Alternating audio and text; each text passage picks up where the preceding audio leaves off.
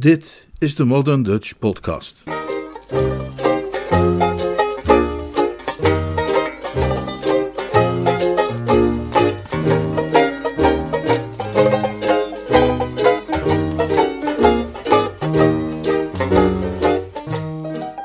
Het meisje in de taxi.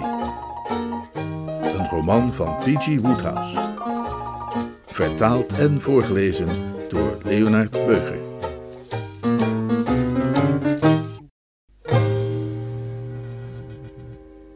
Hoofdstuk 16 Op het moment dat Lord Marshmoreton arriveerde, was George een brief aan het lezen van Billy Dore, die hij die ochtend met de post had ontvangen. Die brief ging voornamelijk over de avonturen die haar vriendin Miss Sinclair zoal had meegemaakt in haar relatie met Spencer Gray. Spencer Gray scheen zich nogal vreemd te hebben gedragen. Toen ze elkaar nog maar net kenden, had hij zich altijd heel vurig tegenover Miss Sinclair gedragen, bijna op het gênante af. Maar later was hij opeens sterk afgekoeld. Toen ze onlangs waren wezen lunchen, had hij heel vreemd afstandelijk gedaan, en nu, op het moment dat ze haar brief schreef, was hij zelfs helemaal verdwenen en had alleen maar een kort briefje achtergelaten dat hij gedwongen was naar het buitenland te vertrekken en dat ze elkaar jammer genoeg waarschijnlijk nooit meer zouden zien.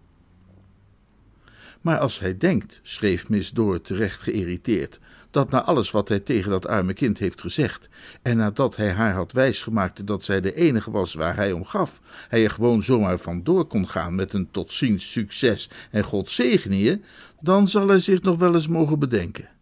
En dat is nog niet eens alles. Hij is helemaal niet naar het buitenland. Vanmiddag zag ik hem op Piccadilly. En hij zag mij ook. En wat denk je dat hij deed? Hij dook een zijstraatje in, nota bene. En hij moet gelopen hebben als een haas, want toen ik daar aankwam was hij nergens meer te bekennen. Ik zeg je, George, er zit een luchtje aan die geschiedenis. Na al een paar keer eerder in vertrouwen te zijn genomen over de stormachtige romances van Billy's vriendinnen, die altijd ergens halverwege leken mis te gaan en een natuurlijke dood te sterven voordat ze enige vaste vorm aannamen, was George daar niet meer zo bijzonder in geïnteresseerd. Behalve voor zover die brief nogal geruststellend bewijs leverde dat hij niet de enige persoon ter wereld was met dergelijke problemen. Hij las de rest met een half oog en was net klaar toen er op de deur werd geklopt. Binnen, riep George. Een kleine, stevig gebouwde man van middelbare leeftijd kwam binnen. George kon hem op het eerste gezicht niet plaatsen, al had hij de indruk hem wel eens eerder te hebben gezien. Maar toen herkende hij hem als de tuinman aan wie hij die dag op het kasteel het briefje voor Maud had gegeven. Dat hij nu zulke heel andere kleren droeg, had George even op het verkeerde been gezet. Toen ze elkaar in de rozentuin hadden ontmoet, was de ander gekleed geweest in morsige tuinkleren. Dit was vermoedelijk zijn zondagse pak, en het was grappig te zien hoe bijna chic hij er nu uitzag. Werkelijk, als je hem op straat was tegengekomen, had je hem voor een lokale jonker kunnen houden. George's hart bonsde. Een minnaar is altijd optimistisch, en hij kon niet bedenken waarom deze man naar zijn huisje was gekomen, anders dan om een briefje te bezorgen van Maud. Hij wenste zichzelf geluk met het feit dat hij zo'n bewonderenswaardige postillon d'amour had gekozen. Hier was kennelijk sprake van zo'n oude, getrouwe bediende waarover je wel eens las: trouw, dienstbaar, discreet en bereid om alles te doen voor de freule. God zegen haar. Waarschijnlijk had Molte in haar kinderjaren paardje gereden op zijn knie en had hij haar met hondentrouw gevolgd gedurende haar hele jeugd. George keek de brave kerel stralend aan en voelde in zijn zak om zich ervan te verzekeren dat hij een goede fooi gereed had. Goedemorgen, zei hij. Goedemorgen, antwoordde de man. Een zeurpiet zou kunnen hebben opgemerkt dat hij nors en op weinig hartelijke toon had gesproken. Maar dat is juist het mooie van die oude getrouwen. Hè? Die proberen opzettelijk voor vreemden de gulden kwaliteit van hun hart te verbergen door een wat grimmige houding aan te nemen. En het was goedemorgen geweest, niet goedemorgen meneer. Dat toonde de stoere onafhankelijkheid van een vrij man. George deed de deur voorzichtig dicht. Hij wierp een blik in de keuken. Mevrouw Platt was er niet, alles was in orde. Uh, heb je een briefje van Lady Maud voor me meegebracht? De nogal stugge uitdrukking van de brave borst leek een slag onheilspellender te worden. Als u, als u zin speelt op Lady Maud Marsh, mijn dochter, antwoordde hij ijzig, dan heb ik dat niet.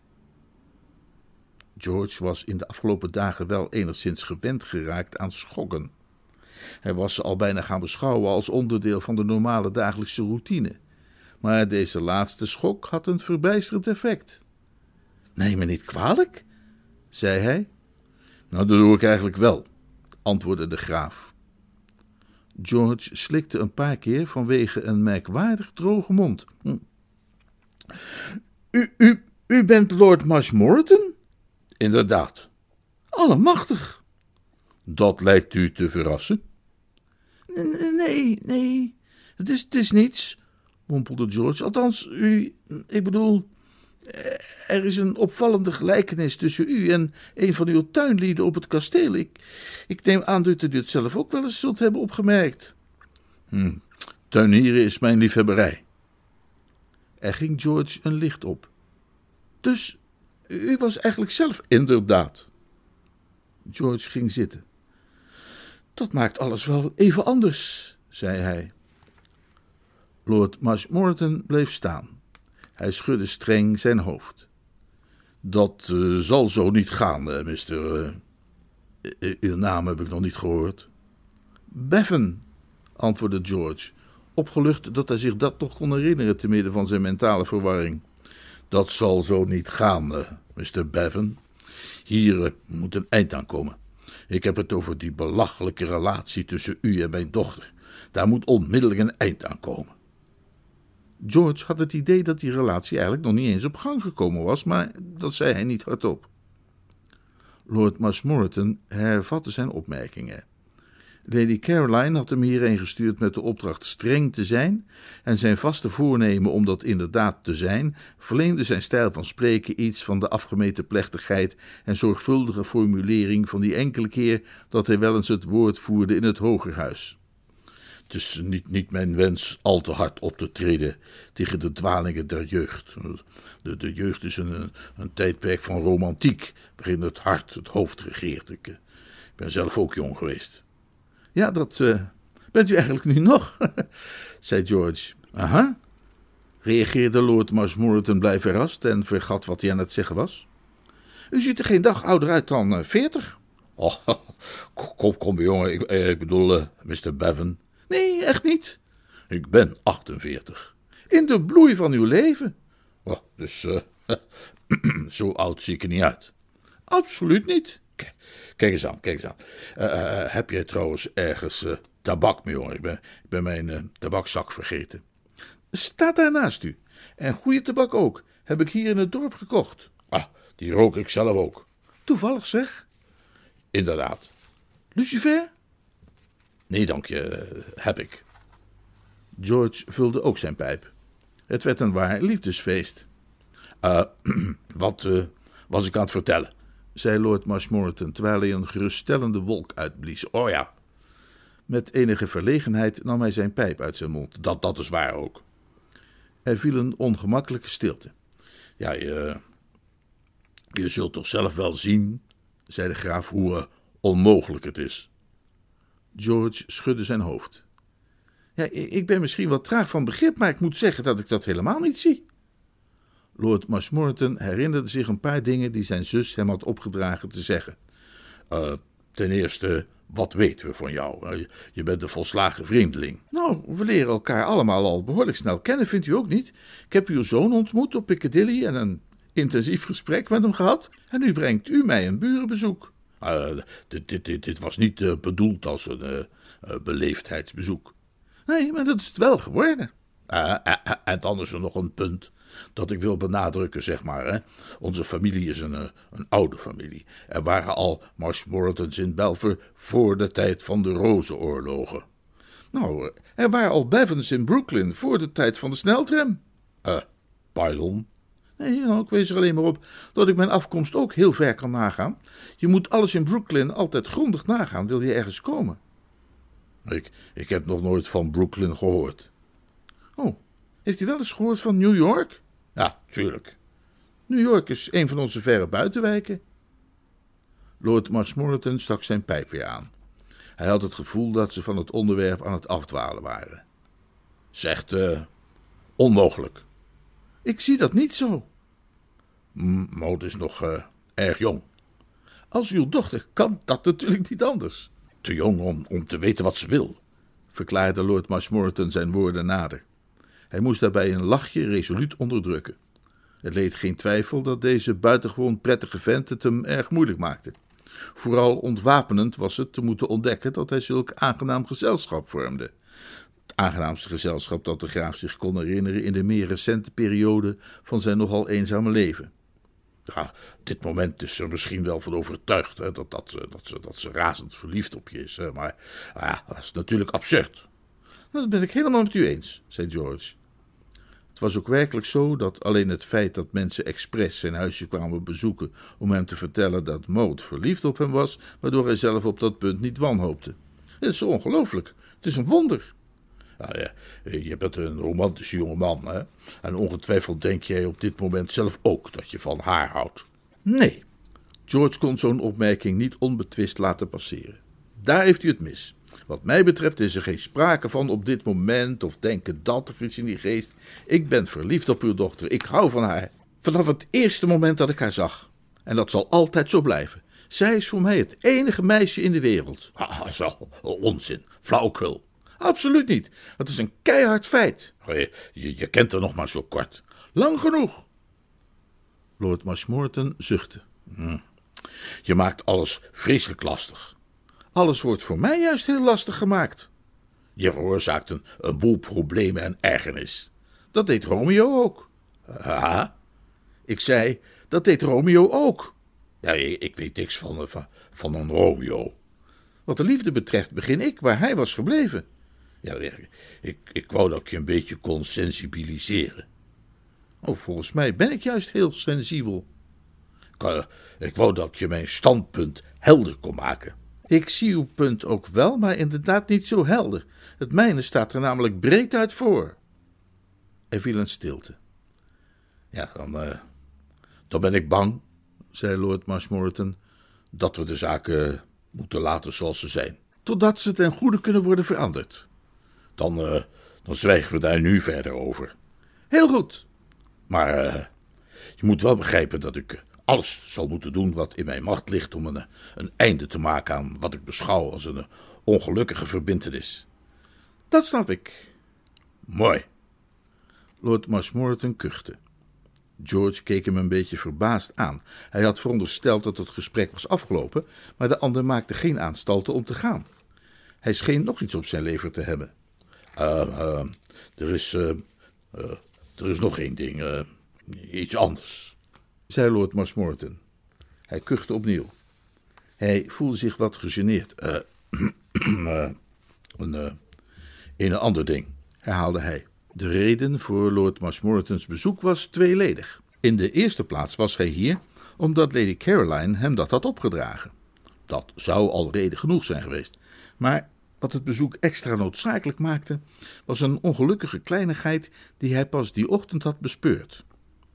Men zal zich herinneren dat Billy Door tegen George had verteld dat de tuinman met wie ze zo goed had kunnen opschieten, haar naam en adres had opgeschreven ten einde haar wat van zijn rozen te kunnen sturen.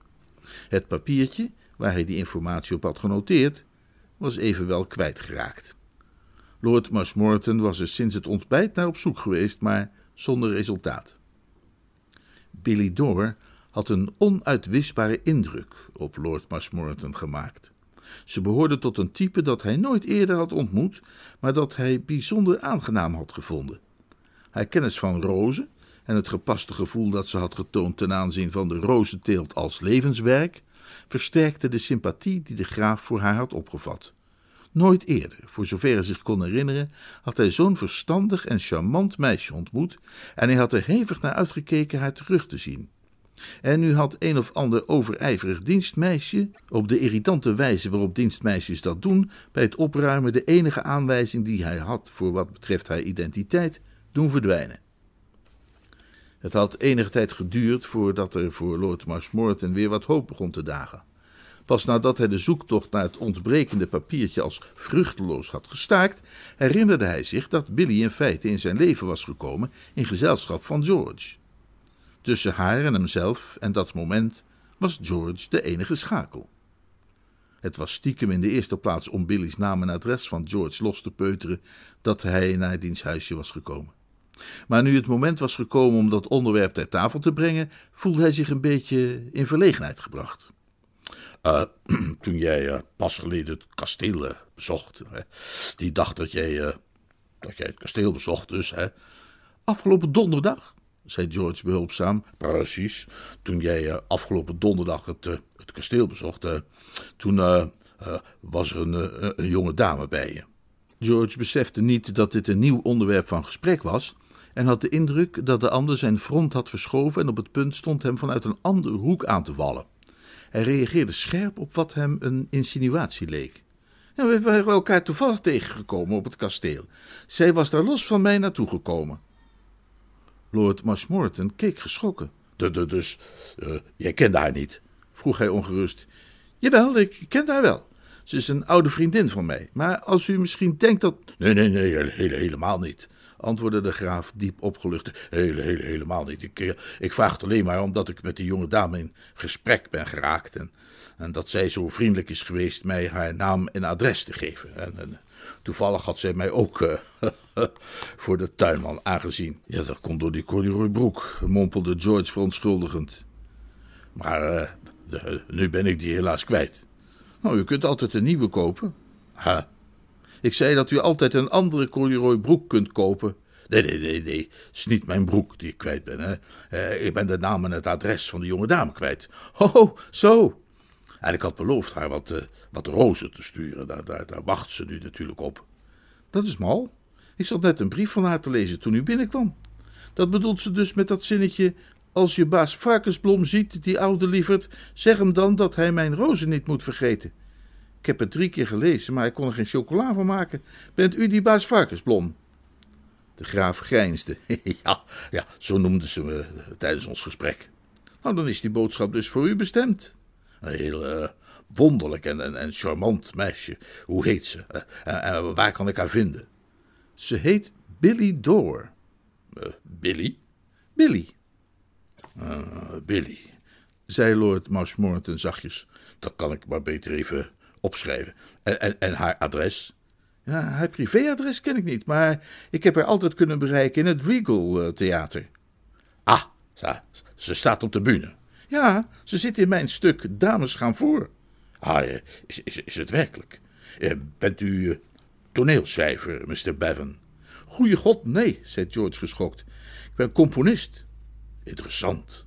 En, en, heeft u Miss Door ontmoet doordat ze in dit stuk van u speelde? Oh nee, ik kende haar al voor ze bij het theater ging. Ze werkte als stenograaf op het kantoor van een muziekuitgeverij toen we elkaar voor het eerst ontmoetten. Alle, allemachtig, werkelijk. Ze deed uh, stenografie. Ja, uh, hoezo? Oh, uh, niets, niets. er kwam alleen even iets in me op. Wat er in Lord Marshmoreton opkwam, was een vluchtig visioen van Billy Dore als zijn secretaresse in plaats van Miss Alice Faraday. Met haar als assistente zou het een genoegen zijn om aan die helse familiegeschiedenis te werken, wat nu zo'n bittere taak was. Maar die dagdroom ging snel voorbij. Hij wist zelf heel goed dat hij nooit de moed zou hebben om Alice de laan uit te sturen. Hij was als was in de handen van dat meisje met haar kalme blik. Zij bezat over hem de hypnotische macht die een leeuwentemmer weet uit te oefenen over zijn rakkers. We zijn al jaren goede vrienden, zei George. Billy is een van mijn beste maatjes. Ja, uh, een charmant meisje. Ze zou haar laatste stuiver geven aan wie er ook om vroeg. Uh, heerlijk kind. En je kunt van haar op aan. Ze deugt. Niemand heeft ooit een kwaad woord over Billy kunnen zeggen. Uh, niet. Nee, ze gaat wel eens met iemand lunchen of dineren of dat soort dingen, maar daar is niks mis mee. Nee, eh, niets, stemde de graaf van harte met hem in. Uh, meisjes moeten ook eten. Precies, je zou sommigen eens moeten zien. Wat uh, onschuldige ontspanning na de vermoeienissen van de dag. Precies, meer niet. Lord Marshmoreton voelde zich meer dan ooit aangetrokken tot deze verstandige en sensibele jongeman. Nou ja, verstandig op alle punten behalve één Het was jammer dat ze het niet eens konden worden over wat wel en niet passend was als het ging om liefdesrelaties binnen de aristocratie. Dus uh, u bent uh, componist, Mr. Bevan, zei hij minzaam. Ja, Lord Marshmoreton slaakte een zucht. Tja, het is uh, lang geleden dat ik naar een muziekvoorstelling ben geweest. Dus meer dan twintig jaar. Toen ik in Oxford was en een aantal jaren daarna was ik een groot theaterbezoeker. Ik miste geen enkele première in de Gaiety. Dat, dat uh, was in de dagen van Nellie Farron en Kate Vaughan. Uh, en van Florence Sinzen. Wat was die geweldig. Een, een moderne Faust. Oh, maar we misten wel Nellie Farron. Meyer Lutz was toen de componist van de Gaiety. Maar ja, dat is inmiddels al wel erg lang geleden. Jij hebt denk ik nooit van Meyer Lutz gehoord. Geloof het niet, nee. Ja, Johnny Toole. Johnny Toole speelde in een stuk genaamd Partners. Geen geweldig stuk. En De Mannen van de Wacht was net nieuw in de Savoy. Lijkt lang geleden wanneer je dat bedenkt. Maar goed, ik moet niet uh, te veel beslag leggen op je tijd. tot, uh, tot ziens, Mr. Bevan. Ik ben blij even met je te hebben kunnen praten. Je, je, je stuk speelt in het Regal Theater, dacht ik dat je zei, toch? Ja? Hm? Ik ga een deze dagen waarschijnlijk naar Londen. Ik, ik hoop het te zien. Lord Marshmoreton stond op. En wat die andere kwestie betreft, uh, is er geen hoop dat ik u die in het uh, juiste licht kan doen zien? We lijken het er niet over eens te zijn wat het juiste licht is. Dan, dan valt er niets meer te zeggen. Ik zal heel eerlijk tegen u zijn, Mr. Bevan. Ik, ik mag u graag. Dat gevoel is geheel wederzijds. Maar ik wil u niet als schoonzoon. Nee, ver, verdamme barstte Lord Marshmoreton uit. Als, als, als schoonzoon kan ik je echt niet hebben. Goeie god zeg, denk je dat je mijn zoon Percy midden op Piccadilly zomaar kunt lastigvallen en aanvliegen en jezelf ook verder tot een ruwelijke lastpost kunt maken om dan hier onuitgenodigd aan mijn poorten je tenten op te slaan en vervolgens te verwachten dat je zult worden verwelkomd in de boezem van de familie. Nou, als ik een jonge man was... Ik dacht dat we hadden afgesproken dat je wel degelijk nog een jonge man was. Ah, val me niet in de reden. Nee, ik zei alleen maar. Ja, ik hoorde wel wat je zei. Vleierij. Absoluut niet, de zuivere waarheid. Lord Marshmoreton smolt. Hij glimlachte. Jonge idioot. Ja, daar zijn we het helemaal over eens. Lord Marshmoreton aarzelde. Toen stortte hij echter zijn hart uit en maakte duidelijk wat zijn persoonlijke standpunt was in de hele kwestie. Ja, ja ik weet wat jij gaat zeggen tegen jezelf. Op het moment dat ik hier de deur achter me dicht trek, dan, dan, dan, dan ga je mij een, starre Victoriaanse vader noemen uit zo'n ouderwets toneelstuk. Een, oude snop. En nog een heleboel dingen meer. Ja, nee, nee, val me maar niet in de reden. Dat, dat, dat ga jij doen, dat zeg ik je. Maar dan heb je het toch, toch mis. Hè? Ik denk helemaal niet dat de Marshmoretons dankzij een of andere goddelijke beslissing heel anders zijn dan de rest van de wereld. Mijn zus denkt dat wel. En, en Percy ook. Maar Percy is een sukkel. Als je ooit constateert dat je ergens anders over denkt dan mijn zoon Percy, bij welk onderwerp dan ook, dan mag je jezelf feliciteren, want dan heb je gelijk. Maar uh, ik weet wat je wilt gaan zeggen, maar laat me uitpraten. Als ik de enige was die erbij was betrokken, zou ik Moot geen strobreed in de weg leggen met wie ze ook wil trouwen, gesteld dat het een goede kerel was die haar naar alle waarschijnlijkheid gelukkig zou maken. Maar ik ben niet de enige. Er is ook mijn zus Caroline. Hè? En, een, en een hele menigte stomzinnige, kakelende dwazen. Met, met mijn zussen, mijn schoonzoons, die allemaal. Als ik me niet uitsprak tegen die verdomde verliefdheid voor, van Mout voor jou. Als ik, als, als, als ik haar liet begaan en met je liet trouwen. Wat, wat zou er dan met mij gebeuren? Ik zou nooit meer een ogenblik rust hebben. Die hele kwebbelende roddeltroep zou me voor eeuwig op mijn kop zitten en beweren dat het allemaal mijn schuld was. Er zouden ruzies van komen, hele discussies, familieoverleg. En ik haat ruzies, ik, ik, ik haat discussies. Ik word kotsmisselijk van familieoverleg. Ik ben een vredelievend mens. Ik hou van een rustig leven en potverdorie, dat rustige leven zal ik krijgen. Dus nu heb ik het voor je uitgespeld. Ik heb persoonlijk geen bezwaar tegen jou, maar ik kan niet hebben dat jij alles heel moeilijk gaat maken voor mij. Ik geef eerlijk toe dat ik de ongunstige mening die ik na al die verhalen over jou had heb bijgesteld nu ik kennis met je heb gemaakt. Bij mij is het precies hetzelfde. Zei George. Je, je, moet nooit geloven wat mensen zeggen. Iedereen had me verteld dat u bekend stond als Nero en dat... Val maar niet in de reden. Nee, dat deed ik niet. Ik, uh, ik wilde er alleen maar even op wijzen. Zwijg. Ik erken dat ik mijn mening over jou goed deels heb gewijzigd. Maar ik zeg je dat geheel en al in het persoonlijke. En het heeft geen enkele invloed op de kwestie waar we het hier eigenlijk over hebben. Want als je mocht denken dat je mij ertoe zou kunnen overhalen in te stemmen met een huwelijk tussen jou en mijn dochter, laat me je dan vertellen dat ik onveranderlijk daarop tegen zal zijn. Zeg dat toch niet? Hoe bedoel je in godsnaam, uh, zeg dat toch niet? dat zeg ik juist wel. En dat zal ik blijven zeggen. Zo'n huwelijk is uitgesloten. Heb je dat begrepen? Mooi. Wens je een goeiemorgen. De deur ging dicht. Lord Marshmoreton vertrok met het gevoel dat hij bewonderenswaardig streng was geweest. George stopte zijn pijpen en bleef nadenkend zitten roken. Hij vroeg zich af wat Maud op dat moment aan het doen was. Maud verwelkomde op dat moment met een stralende glimlach haar broer, die net naar beneden kwam gestrompeld na zich alsnog te hebben geschoren en andere kleren te hebben aangetrokken. Ach, Percy, lieverd, zei ze, ik heb vanmorgen toch zo'n avontuur beleefd. Een afschuwelijke zwerver heeft me kilometers lang achtervolgd.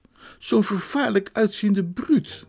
Ik was zo bang dat ik een dominee in het volgende dorp heb moeten vragen om hem weg te jagen. Ik wou dat je erbij geweest was om me te beschermen. Waarom ga je niet af en toe met me mee als ik een wandeling maak hier op het platteland? Het is echt niet veilig voor me zo in mijn eentje. I hate you, but I guess I love got me between the devil and the deep blue sea. You got me between the devil and the deep, the devil and the deep, the devil and the deep blue sea.